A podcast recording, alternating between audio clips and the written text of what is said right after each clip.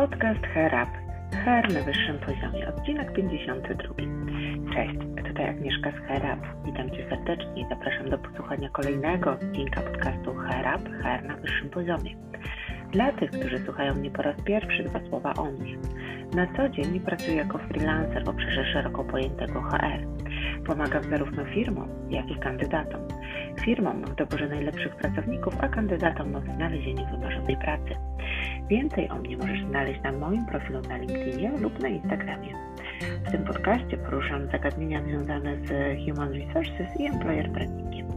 Zachęcam Cię do subskrypcji mojego podcastu na Twoim ulubionym kanale, no bo dzięki temu nie ominiecie żaden odcinek.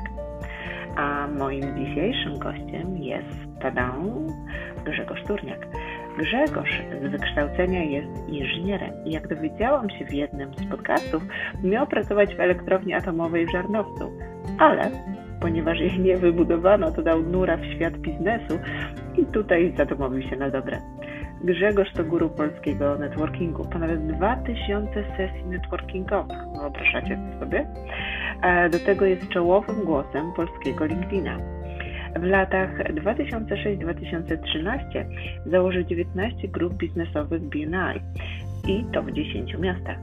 Napisał 5 książek, głównie od networkingu, ale również napisał książkę Alchemia kariery. Obecnie Grzegorz w ramach grupy JAK wspiera klientów w projektach z obszaru Employee Advocacy i budowania marki na LinkedInie. I o tym właśnie porozmawiam z nim, czyli o Employee Advocacy oraz, oraz porozmawiamy o Boss Brandingu, czyli o CEO na LinkedInie. Zapraszam Was bardzo serdecznie. Zaręczam, że to będzie bardzo ciekawa rozmowa. Cześć Grzegorzu, witam Cię serdecznie w podcaście Cześć. Hair Up, Hair na wyższym poziomie. Dzień dobry, ogromna przyjemność również po mojej stronie. Mhm. E, Grzegorzu, ja bardzo się cieszę, że przyjąłeś zaproszenie. E, Jak przed chwilą słyszałeś, e, przedstawiłam Cię, ale na początek chciałam zapytać, czy jest jeszcze coś, o czym, nie wiem, nie wspomniałam, a warto by było dodać, jeżeli chodzi o Ciebie, o Twoje doświadczenie, czy o Twoje zainteresowania?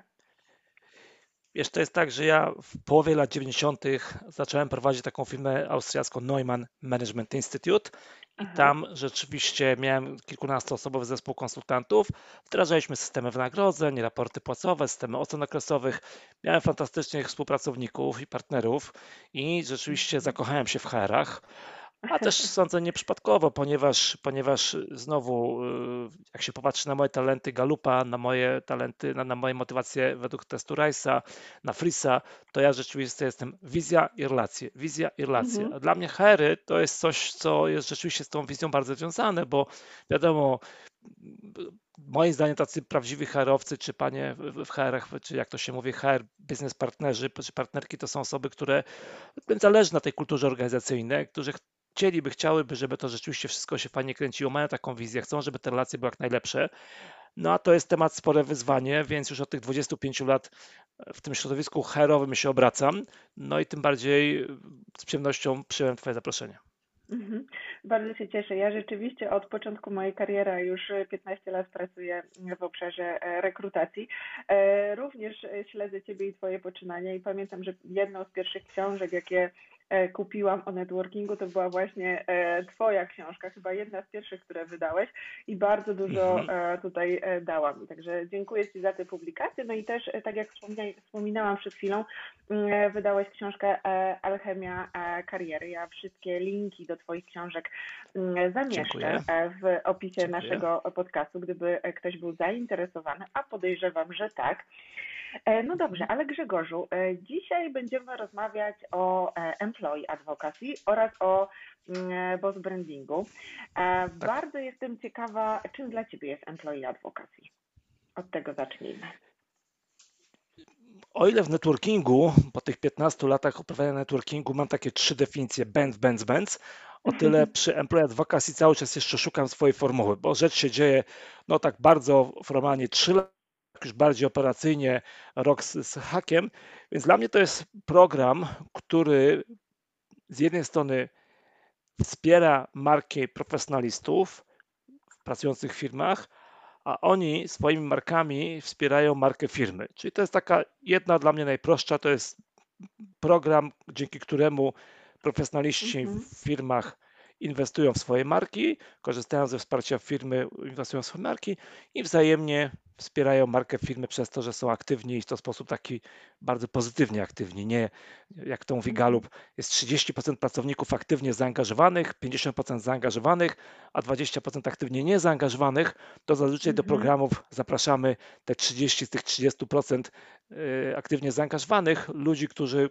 no, są, są innowatorami i chętnie w takie programy wchodzą. No właśnie. E, Pierwsza ja też, definicja, tak. Aha. No właśnie, czyli tak naprawdę można powiedzieć, że to jest e, taka mm, relacja, w której obie strony e, wychodzą z czymś dla siebie, prawda? Win-win, dokładnie, win-win. Mhm. I to jest, jak powiedziałem, dla tych świadomych profesjonalistów, którzy dbają o swoje marki, dbają o swoje kariery, dostają dodatkowe narzędzie. I to jest Mhm. takie narzędzie, które można powiedzieć też digitalizuje kulturę organizacyjną, gdzie Mhm. przenosi się tego ducha firmy do online'u i wiadomo, to przeniesienie jest zawsze, każda przeprowadzka jest no, energochłonna, czasochłonna i też Mhm. stresowa, stresująca. Więc ta przeprowadzka do, do, do, do, do, do, cyfrowego środowiska no, wymaga ludzi i otwartych, i odważnych, i pozytywnie nastawionych, więc to jest rzeczywiście bardzo interesujący projekt. Mhm. E, No właśnie ty podzieliłeś się e, badaniami. Ja też przygotowałam sobie przed naszą rozmową informacje. Wyczytałam mm, w jednym z badań, że informacje na temat marek i firm zamieszczane w social mediach przez pracowników są, uwaga, 24 razy częściej udostępniane dalej niż oficjalne komunikaty firmy, na nie wiem, jakichś fanpage'ach czy oficjalnych stronach, Mhm. a e, według e, badanych o 90% cenni- cenniejszymi rekomendacjami marki, mm, e, marki niż są właśnie mm, dużo cenniejsze niż właśnie pozostałe i generują 8 razy większe zaangażowanie niż informacje zamieszczane przez same marki czy nawet fanpage tych marek. No i to są badania Mhm. globalne e, i Mhm. zastanawiam się, jak one mają odniesienie do tego, co dzieje się na naszym, e, na naszym krajowym rynku. My jesteśmy troszeczkę zawsze, zawsze za Zachodem, no to jednak ta Mhm. cywilizacja dochodzi ciut później do nas, chociaż e, w pewnych obszarach jesteśmy lepsi. Pamiętam, kiedy w Polsce miały się przyjmować czeki, na początku lat 90. i 80. się nie przyjmowały. I Od razu żeśmy wskoczyli w internetowe, e, w, w, w, karty kredytowe, w karty i w, w, w, w, w, właśnie przez czeki żeśmy nie przeszli. Ja pamiętam w organizacji, Mhm. którą wprowadziłem do Polski e, 15 lat temu, BNI, e, było tak, że jak jeździłem na konferencje do Stanów, do Anglii, do Niemiec, to oni tam wszyscy płacili za członkostwo czekami. Myśmy patrzyli, Mhm. kamany, jakie czeki, przecież są tego karty. Więc są pewne obszary, gdzie żeśmy Zachód przegonili, natomiast są obszary, gdzie też jesteśmy z tyłu. No tu moim zdaniem jesteśmy trochę z tyłu, bo jednak no, na LinkedInie jest tam te 4 miliony ludzi, w porównaniu z Wielką Brytanią to powinno być u nas już 8 milionów, więc widać, że Mhm. ten rynek się dopiero rozwija. Natomiast ja na te statystyki aż tak się nimi bardzo jakby nie stresuję. Ja jestem osobą, która raczej patrzy, co trzeba zrobić, żeby było lepiej, niż o Matko Mhm. Bosko, ile tutaj się jeszcze do, do zrobienia, że, że jesteśmy gorsi, że jesteśmy jak zwykle gdzieś na ogonie cywilizacji, więc ja mówię, tutaj ci tych danych nie podam. Ja taki jest, taki jestem skonstruowany i jak prawie 30 Mhm. lat temu byłem na takim kursie agenta zmiany, change agentem, szkolili mnie Mhm. Amerykanie z Organizational Development Institute z z Cleveland, to od tego czasu sobie uświadomiłem, że ja się skupiam na tych 2, 5, 10% Aha. ludzi, którzy są już tą zmianą, którą ja chcę wprowadzić, więc nie ma Mhm. żadnego bólu, więc nie do końca, czy to jest tyle procent, czy tyle, czy to generalnie wiadomo i to jest, ja przyjmuję to, że, że być może w Polsce ta statystyka jest jeszcze bardziej y, taka no, pokazująca, że ludzie wolą zaufać y, prywatnej osobie niż marce, tylko na razie nie bardzo jest komu zaufać, bo jak weźmiemy, że Mhm. no te 4 miliony Polaków jest, niektórzy mają 2-3%, może 5% jest aktywnie Mhm. zaangażowanych na LinkedInie, czyli generuje swoje treści, no to to jest 20 tysięcy, tak? No to są w Mhm. ogóle ilości relatywnie niewielkie, Kropla, więc prawda, w morzu. tak, ta, ta, ta, ta, ta, ta, ta masa krytyczna się jeszcze nie zbudowała, a oczywiście są od razu pewne negatywy, które zawsze widać. Ja ze dwa Mhm. lata temu napisałem artykuł sześć rzeczy, za które lubię polskiego LinkedIna. To była odpowiedź na Aha. taki artykuł jednego z LinkedInowców, sześć powodów, dlaczego nie lubię polskiego LinkedIna. Ja dokładnie każdy z tych jego powodów odwróciłem. Był taki na przykład, że tu się wszyscy poklepują i pijają sobie z dzióbków. Ja mówię tak, dlatego jestem na LinkedInie, że tutaj wszyscy się poklepują, piją sobie, pijają sobie z dzióbków. Jest potrzebne miejsce, gdzie jest życzliwie, sympatycznie, profesjonalnie, ale jednocześnie bez hejtu, tak jak mamy na znanym wszystkim portalu. Więc to jest coś, co, co, co, co, co, co, co tutaj mówię. Te statystyki przypuszczam, że w Polsce są jeszcze bardziej takie no, na niekorzyść tych formalnych marek, natomiast mhm. aż tak bardzo się tym nie przejmuję. Uważam, że trzeba robić swoje i spokojnie iść swoją ścieżką. Mhm. Ale powiem Ci, że właśnie dzisiaj pierwszy Trend artykuł jest. na LinkedInie, tak, pierwszy, e, pierwszy, mhm. E, pierwszy artykuł na LinkedInie, który zobaczyłam po otworzeniu LinkedIna, właśnie mhm. nawiązywał e, do tego tematu, do tematu employee advocacy, o tym, że właśnie te o. posty, artykuły są e, bardzo istotne i że e, zarówno pracownicy, mhm. ale też klienci zwracają e, właśnie tak. na to uwagę. Tak. Także tak. dzieje się na pewno, dlatego też o employee advocacy chciałam porozmawiać. No mhm. właśnie, ale też znowu nawiążę trochę do badań, bo tak, dobrze, dużo badań mówi, że głównym kanałem komunikacji pracowników jest Facebook. Ty natomiast postawiłeś tak. na LinkedIna. Dlaczego ten portal i dlaczego właśnie swoim klientom, bo z tego co um, słyszałam w mhm. innych Twoich rozmowach, rekomendujesz mhm. właśnie do działań e, Employee Advocacy e, LinkedIna? Czy mogę być lekko przekorny? Oczywiście, bardzo proszę. Trzy, trzy, lata temu, kiedy zaczynałem przygodę z LinkedInem, dokładnie pamiętam 18 stycznia, pierwszy swój post taki świadomie opublikowałem, to mój wtedy wspólnik Paweł powiedział: Wolę być dużą rybą w małym stawie niż małą rybką w dużym stawie.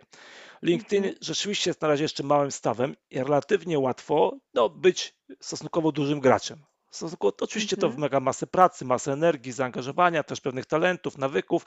Niemniej jednak relatywnie łatwo nam się to, to, to zadziało. Natomiast na mhm. Facebooku, oprócz tego, że to już jest duże rzeczywiście narzędzie już coraz bardziej no, no nie, nie, takie trywialne, jak było parę lat temu, to co mnie rzeczywiście odrzuciło, to ponieważ no, zmiany były polityczne w Polsce i mhm. niestety no, w mojej bańce, którą tam miałem, była masa hejtu związanego właśnie z polityką, z tym, co się dzieje, działo w. Polsce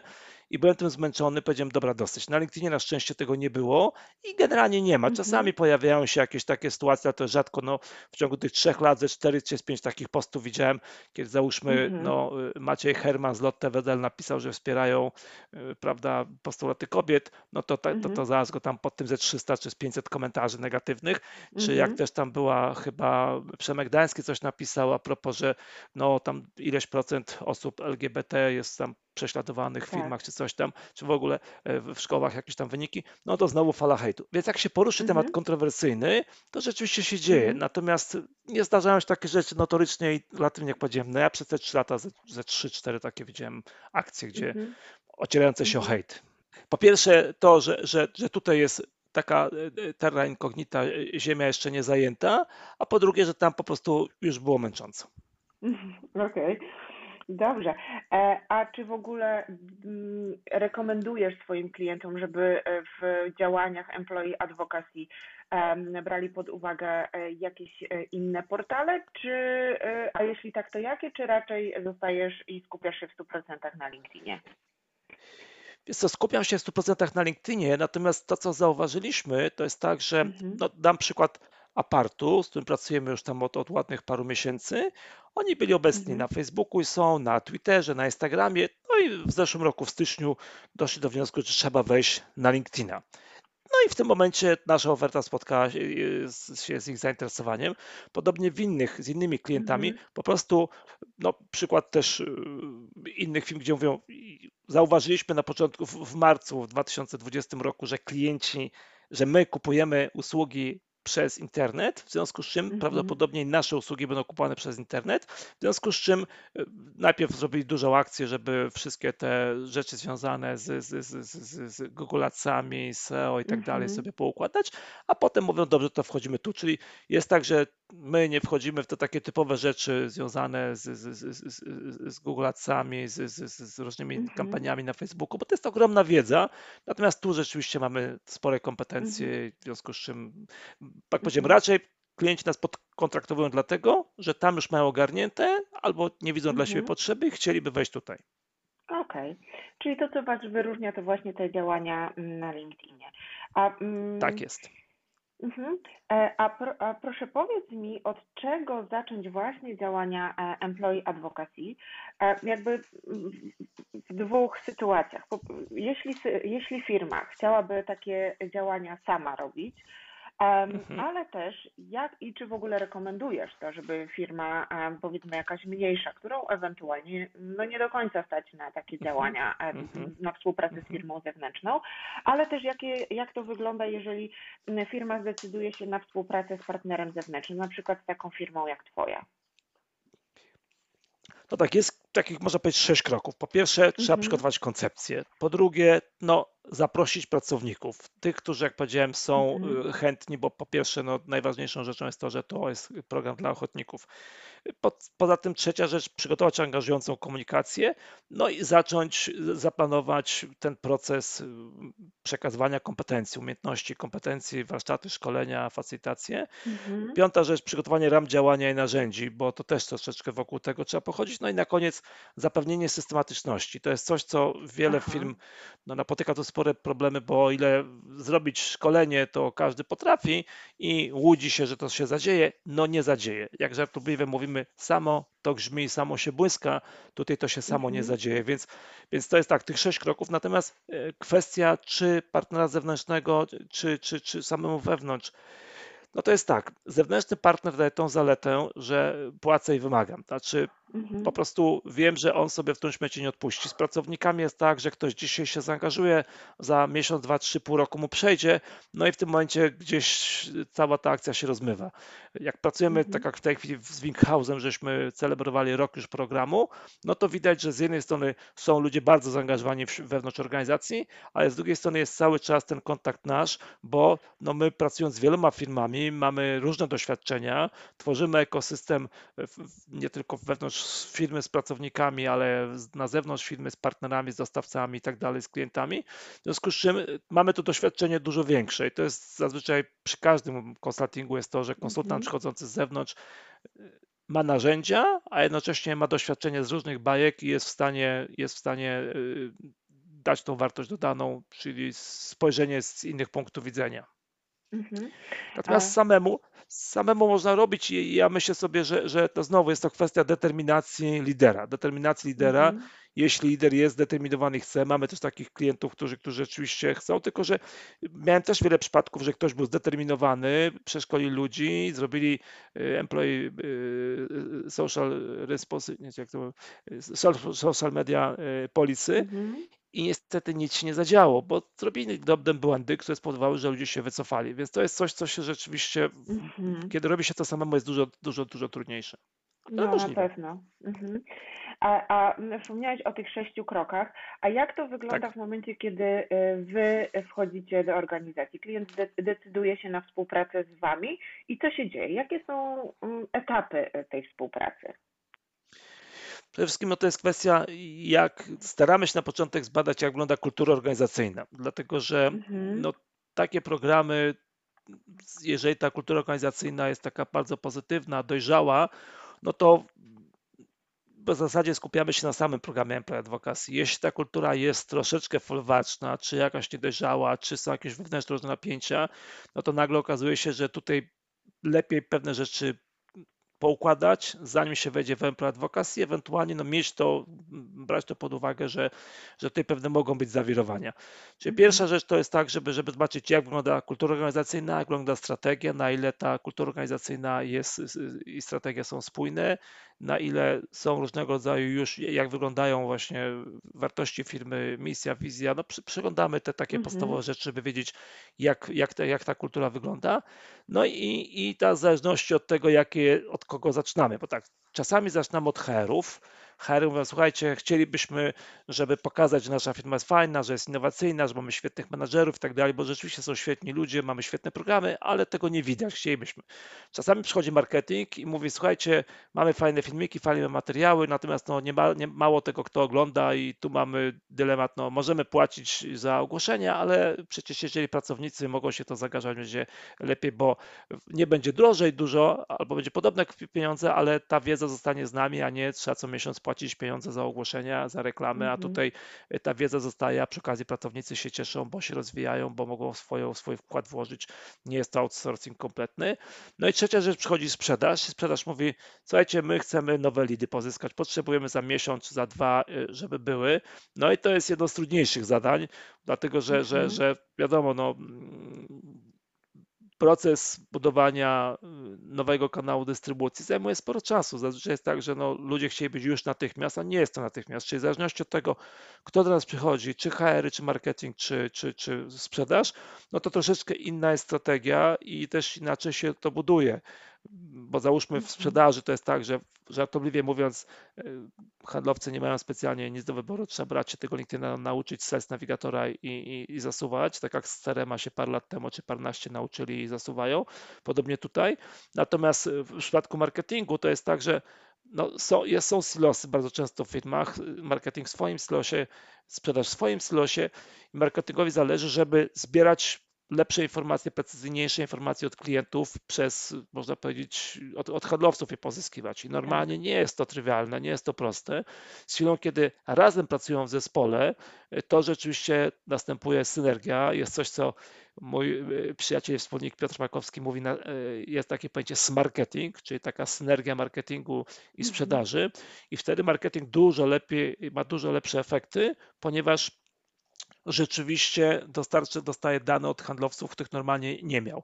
I z drugiej strony mhm. handlowcy mają też, mam sygnały właśnie od klientów, w którym pracujemy, mówią, słuchaj, do tej pory przychodziłem na spotkania z marketingiem, no i słuchałem, no mówili nam to i to i to, właściwie no, no okay, przyjąłem do wiadomości. Okay.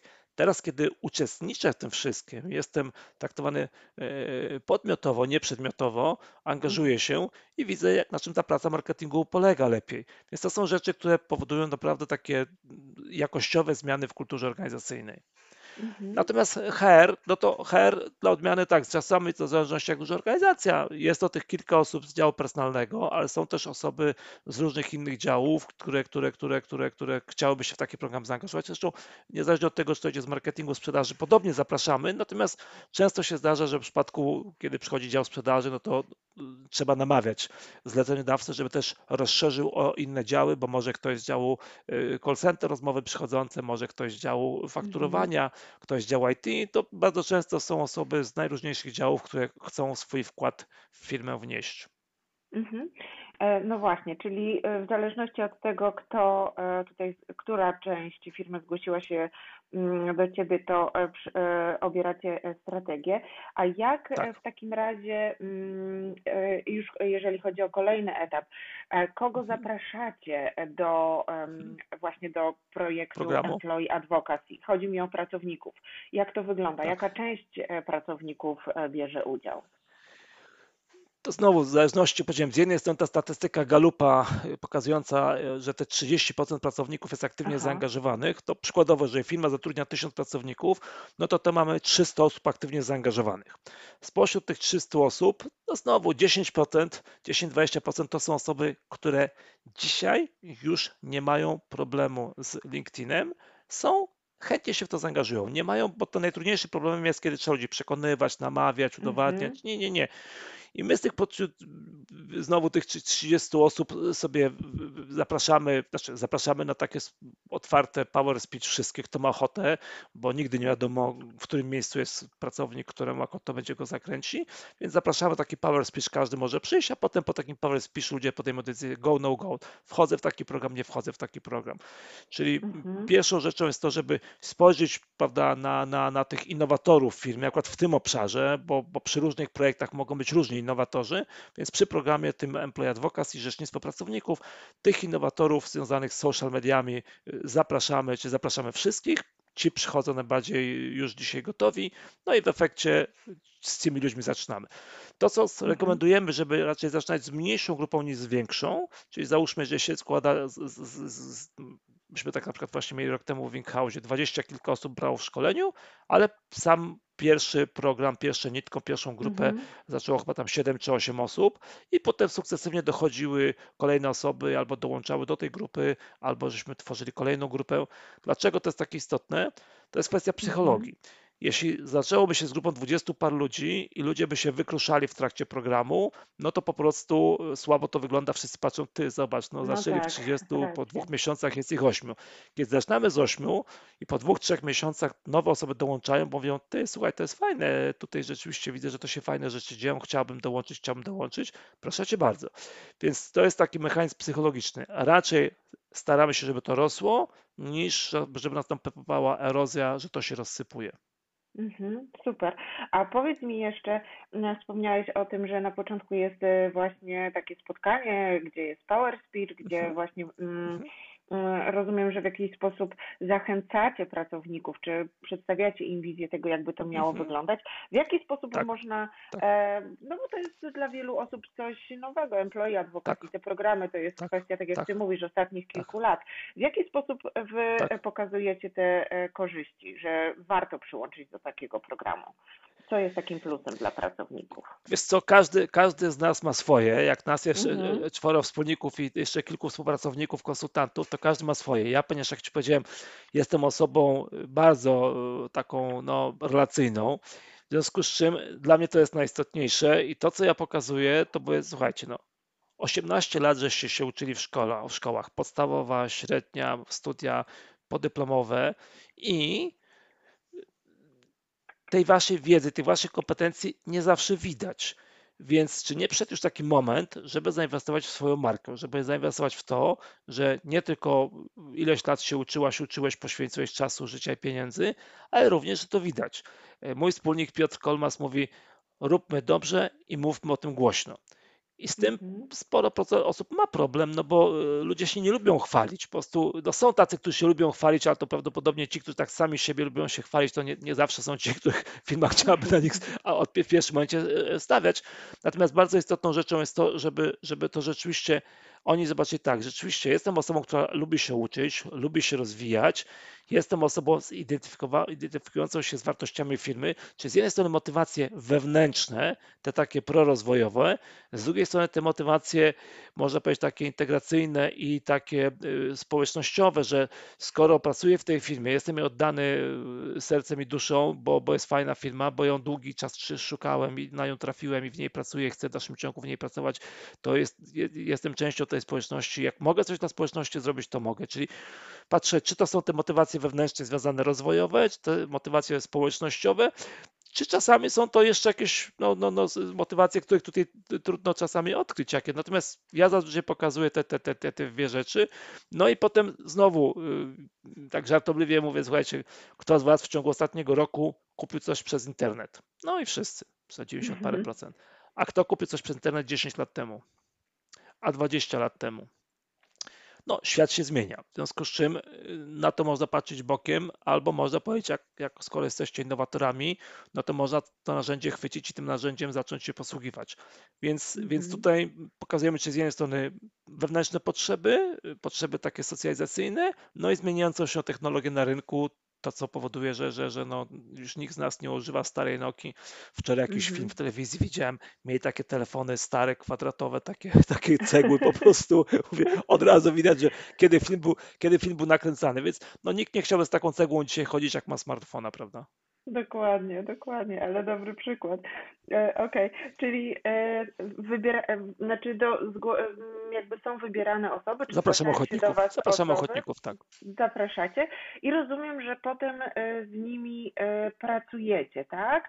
E, Jak, Tak, to, znaczy to jest tak, że na koniec z takiego Mhm. power speechu zadajemy pytanie. Słuchajcie, mogliście sobie pomyśleć tak, to jest dla mnie, to jest super, wchodzę w to, jestem takim innowatorem. Ktoś może powiedzieć, to jest fajne, to mi się podoba, ale w tym momencie z różnych powodów nie mogę, no bo po Mhm. prostu mam inny projekt, mam inne rzeczy. I trzecia grupa mówi, wiecie co, to nie jest jednak moja bajka, ja aż taki ekshibicjonista nie jestem, tak żartuję oczywiście sobie Mhm. i to nie jest to, w co chciałbym dzisiaj się zaangażować. Okej. I ci, którzy mówią tak, to my dzisiaj już, proszę bardzo, ruszamy za tydzień i chciałaś o to zapytać, rozumiem, jak to operacyjnie wygląda. Tak, tak, tak, Co tydzień, Mhm. Co tydzień robimy godzinne webinarium. Co tydzień robimy godzinne mhm. webinarium, gdzie krok po kroku, krok po kroku, najpierw znowu pokazujemy jeszcze raz już szczegółowo tą wizję, staramy się rozbić w miarę możliwości obawy, bo ludzie mają różne obawy, nawet jeżeli mhm. bardzo gorąco chcą i tak dalej, to jednak, a czy to, to będzie wyglądało, a co sobie ludzie pomyślą, a czy to, no więc rozbijamy te obawy, y, pytamy, jakie są ich rzeczywiście konkretne motywacje, więc troszeczkę też jest taka praca na, na, na, na takich psychologii, bo mówimy tak, że tego typu projektach z jednej strony potrzebne jest nastawienie, czy wybieramy ludzi o takim proaktywnym nastawieniu. Po drugie, przekazujemy im wiedzę, przekazujemy im umiejętności, budujemy nawyki i budujemy społeczność. Czyli kiedy już mamy tych właściwych ludzi, to y, jak rozbiliśmy ich obawy, zobaczyliśmy, co ich motywuje, w jakim horyzoncie chcą się tego nauczyć i to, co jest istotne, ponieważ chcemy, żeby oni mieli odpowiednie nawyki, jest też patrzymy, żeby oni sobie uświadomili, że każda z nich, każdy z nich z uczestniczek, uczestników ma swoją tożsamość zawodową bo z jednej strony my, mhm. my, jako human beings, jako ojciec, jako matka, każdy z nas y, no, y, wewnątrz siebie mamy o sobie takie zdania, a nie inne i teraz ci, którzy są w tym programie, oni również mają swoją tożsamość zawodową. Uważają, że są aktywnie zaangażowanymi pracownikami. Uważają, że oni są tymi, ja to nazywam gwiazdami, które no, tą firmę z przyjemnością promują i się od tej firmy nie odżegnują. Tak żartując, żartując chodzą w, mhm. w, w t-shircie firmowym i nie mają z tym problemu i tak dalej, i tak dalej, tak dalej. Więc w momencie, kiedy oni tą swoją tożsamość zobaczą, jaką oni mają, że, że, że, że, że tu teraz będą nawyki, które będą wdrażali przez najbliższych tych 3-6 miesięcy, e, no, e, prowadzą w stronę tej tożsamości. Czyli raczej mniej mówimy, słuchajcie, uczcie się tego, bo to jest potrzebne w tą czy w tą stronę, tylko jak to przybliży ich do tej ich tożsamości zawodowej. I w tym momencie, jak mamy, jak mhm. powiedziałem, właściwe nastawienie, przekazujemy wiedzę, przekazujemy umiejętności, budujemy, budujemy te nawyki i budujemy ten ekosystem wokół nich, czyli takie kompleksowe całe zagadnienie powoduje, że, że rzeczywiście po tych no, 3, mhm. ale 6 miesięcy to funkcjonuje. Mhm. Super. I rozumiem, że na pewnym etapie e, te osoby już zaczynają działać e, na LinkedInie z Waszą e, swoją pomocą, tak? Wiesz co, tak, to, to jest tak, że my tutaj mamy do, do takiego projektu y, facilitatorki, czyli osoby, Aha. które, akurat koleżanki, które potrafią wydobyć z ludzi to, co w nich najlepsze, pilnują procesu, y, natomiast powodują, że rzeczywiście ludzie czują się komfortowo, bo to jest ważne, żeby oni tą strefę komfortu poszerzali w taki sposób, no, zgodnie ze swoim rytmem, zgodnie ze swoim tempem, bo też, jak powiedziałem, są różne sytuacje. Czyli, czyli, czyli my dajemy pigułki wiedzy, dajemy ćwiczenia i to, że budujemy zespół, to jest to, że, że to nie jest, jak powiedziałem, zwykłe szkolenie, bo bardzo często mamy takie sytuacje, że ktoś wysłał pracowników na szkolenie, cały dzień siedzieli, wrócili, nic się nie dzieje. Zresztą ja się szkoleniami mhm. zajmuję też już od 30 lat i to mnie zawsze frustrowało, kiedy ludzie przychodzą na szkolenie, siedzimy dwa dni, jeden, dwa dni w tym, potem wracamy i stare kolejny. Więc żeby w te stare mhm. kolejny nie wrócić, a materia jest bardzo delikatna, bardzo taka e, psychologicznie no, subtelna i, i niełatwa, to tutaj bardzo niewielkimi kroczkami, aż czasami nas niektórzy klienci mówią, czy nie jedziemy za wolno. Ja mówię tak, chcesz mhm. iść szybko, idź sam, chcesz iść daleko, idź z innymi. I my tutaj budujemy zespół. Ta budowa tego zespołu, żeby oni się polubili, żeby oni się wspierali, że ktoś, kto jest gwiazdą, bo szybko coś tam chwycił, reszcie pokazuje tą ścieżkę w dżungli, jak ja to mówię, maczetą wycina. Więc to jest taki, jak powiedziałem, bardzo taki delikatny proces i można na upartego go przyspieszyć, natomiast uważamy, że jak powiedziałem, chcesz zajść daleko, idź z innymi. I my ten zespół budujemy. Także to jest coś, co wyławiamy różnych ludzi w tym zespole. Jeden potrafi lepiej pisać, drugi potrafi lepiej komentować, trzecia osoba dla odmiany no, bez, z łatwością zaprasza kontakty i pokazuje innym, że rzeczywiście jest to możliwe, że skoro ten Piotrek, Krzysiek, czy Małgosia, czy Zuzia to robi, to ja też mogę to robić. Oczywiście nie tak szybko, no bo on jest gwiazdą tu w tym obszarze, ale skoro on robi, to ja też mogę. Więc to jest takie, powiedziałem, wzajemne mhm. pozytywne oddziaływanie się, nakręcanie się, taka, takie szlachetne współzawodnictwo, e, które powoduje powoduje, że rzeczywiście no, no, no wiemy, że jesteśmy zespołem i że mamy jasny, szczytny cel i, i tutaj każdy tak jak może wszystkie ręce na pokład, ten do wioseł, ten do żagli, ten do mhm. steru i, i, i nie ma, że boli, nie? Dokładnie, takie rozwijające współzawodnictwo powiedziałabym. Tak, takie szlachetne współzawodnictwo. Mhm. To, co jeszcze mi przychodzi do głowy, to o czym ty mówisz, że to jest taki dłuższy proces, to tak naprawdę to jest tak. budowanie pewnego nawyku, a wiadomo, że budowanie nawyku tak. trochę trwa i czas. mówi się, że to tak. jest minimum od 33 do 60, niektórzy mówią 60 kilku dni, żeby to rzeczywiście mhm. pomału zaczął stawać się nawyk, prawda? Tak. Tak, tak, mhm. tak. Jest to, to, to, jest tak, na temat wdrażania nawyków to jest cała oddzielna pewnie audycja i to pewnie tak. może kogoś zaprosił albo jeszcze zaprosić. Natomiast e, to rzeczywiście, jak powiedziałem, my z przyjemnością pracujemy z ludźmi, którzy chcą te nawyki wdrożyć i to jest wtedy mhm. dużo łatwiej się te nawyki wdraża, jak, jak, jak ludzie no my pracując z różnymi klientami znajdujemy coraz to nowe sposoby, jak te nawyki wdrażać, żeby to było stosunkowo szybciej i żeby było one głębiej się osadziły. Mhm. A chciałam Cię jeszcze właśnie zapytać e, mhm. odnośnie mm, publikowania w, na LinkedInie. Mhm. E, jak często właśnie e, pracownicy powinni być aktywni w social mediach? Czy to, bo gdzieś wyczytałam, że minimum dwa razy w tygodniu, a najlepiej pięć, natomiast wiadomo, że jakość jest tutaj priorytetem. A co Ty o tym sądzisz? Słuchaj, ja nie demonizowałbym. Ja sobie mhm. żartuję mhm. oczywiście lekko znowu tak cynicznie, jak się popatrzę na tych, którzy takie rzeczy mówią, a potem widzi się miesiąc, dwa, trzy dziurę na jego profilu, bo nic nie publikuje, no to dla mnie jest to najlepsza ta. Y, nie daj mi się zwariować. Publikować mogą ci, dla mnie regularnie, którzy no, mają wsparcie. Jeżeli przykładowo ktoś sobie wziął copywritera i ten copywriter wiadomo, żeby dostarczać dwa, trzy, cztery teksty tygodniowo, jest to publikowane, jakoś tam komentowane, to, to nie ma bólu. Y, to, co ja widzę w tych programach, które my robimy, jeden post na tydzień to jest spory wysiłek, to jest spory wysiłek, chyba, że jest jakaś gwiazda, która po prostu ma talent, ma flow, siada i pisze, tylko znowu, ponieważ programy są programami jednak no, troszeczkę after hours, one są częściowo w mhm. zakresie obowiązków, częściowo ludzie gdzieś to jednak z tym chodzą cały dzień i nie tylko w pracy, ale i poza pracą, w związku z czym też nie bardzo można, a e, dużo więcej czasu na to poświęcić, ale też moim zdaniem nie do końca trzeba, dlatego że po prostu raczej się liczy, jak to się mówi, że, że kropla drąży skałę nie siłą, a częstością padania. Nie jest ważne, że to będzie e, trzy razy w tygodniu, pięć razy w tygodniu. Jeżeli jest zespół i ten zespół razem pracuje, ten zespół z chwilą wie, że no, algorytmy działają tak, jak działają. Jeżeli chcemy, żeby te posty się fajnie rozchodziły, żeby docierały tam, gdzie chcemy docierać, to oczywiście trzeba mieć właściwą sieć kontaktów, ale też trzeba być pod tym postem aktywnym. Jeżeli się post mhm. publikuje, no to w ciągu pierwszej godziny wypada siedzieć i te komentarze komentować. Więc jak weźmiemy, że to są trzy posty w tygodniu, no to jest 3 godziny na przygotowanie, 3 godziny później na to, żeby te posty się e, no, rozchodziły po sieci. Te 6 godzin to jest jeden dzień prawie pracy. Więc to kto może sobie na to pozwolić? Więc moim zdaniem raczej jest tak, że to jest jeden i nasi klienci nie ma żadnego problemu, jeżeli mają, część ma jeden raz na, raz, raz na miesiąc, część raz na dwa tygodnie, część raz na tydzień, więc nie, nie robiłbym bożyszcza, nie robiłbym tutaj jakiejś takiej nagle, że to musi być tyle czy tyle. Raczej kwestia, czy ludzie po pierwsze mają przyzwoite profile, nie mają dziur w profilach, po drugie, czy w sposób świadomy, jak powiedziałem, mają nawyk, że jak już są na tym LinkedInie, to lajkują, komentują, potwierdzają, mm -hmm. że udostępniają, bo oczywiście mówię, samemu napisać post i nad nim zbudować zaangażowanie to jest naprawdę dłuższa chwila, nie taka trywialna mm -hmm. rzecz, natomiast y, łatwiej oczywiście jest udostępniać cudze posty. Y, znowu tylko jest to kwestia, no, jeśli ten cudzy post się udostępni, one mają zazwyczaj dużo mniejsze zasięgi, okay. w związku z czym w związku z czym to jest taka rzecz, że no co z tego, że, że udostępnię i jako ten post, tak żartobliwie mówiąc, nie, niedaleko zajdzie. W związku z czym mhm. no wrzucać, żeby tylko wrzucać dla zasady, nie, nie, to ja uważam lepiej mniej. Znowu to jest moje podejście, być może tutaj będą inni ludzie, inne mieli podejście, natomiast nie ma co szaleć. Lepiej, żeby to mhm. było przez pół roku, nawet raz na miesiąc, niż przez miesiąc sześć postów, a potem następne pół roku nic. Tu się liczy mhm. dłuższy horyzont.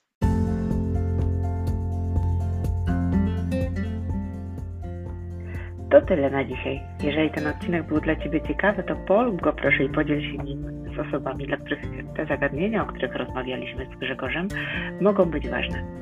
Oczywiście zapraszam Cię do kolejnego odcinka, bo w kolejnym odcinku będziemy w dalszym ciągu kontynuować z Grzegorzem rozmowę na temat employee advocacy, ale dodatkowo porozmawiamy sobie również o postbrandingu. Także zapraszam serdecznie już za tydzień w środę. Cześć! Música